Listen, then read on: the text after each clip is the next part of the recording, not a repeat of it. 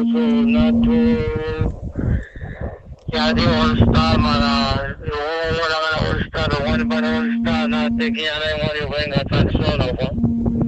Copy that. Give us the GPS coordinates over.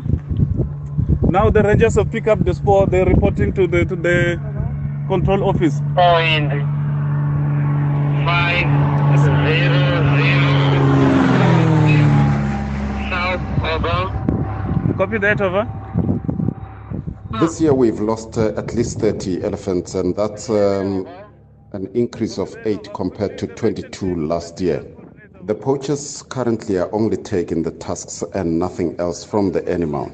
Their modus operandi is uh, similar to those of uh, the rhino poachers. They travel in groups of four, enter the park uh, during the daytime or just before sunset, and begin hunting at night with the intention to leave early in the morning.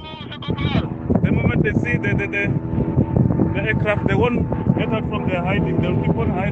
Pagla sê die aanslag op die bedreigde spesies wat in die wildtuin gehuisves word, word net al veller. Our anti-poaching efforts, uh, we think they are helping us a lot in keeping the numbers of animals uh, low.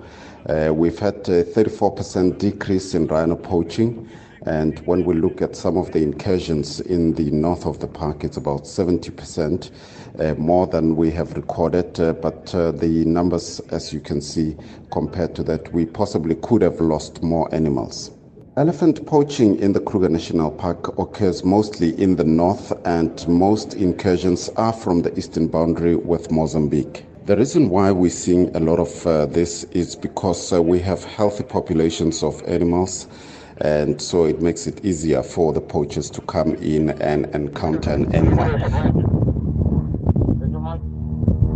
Like they're moving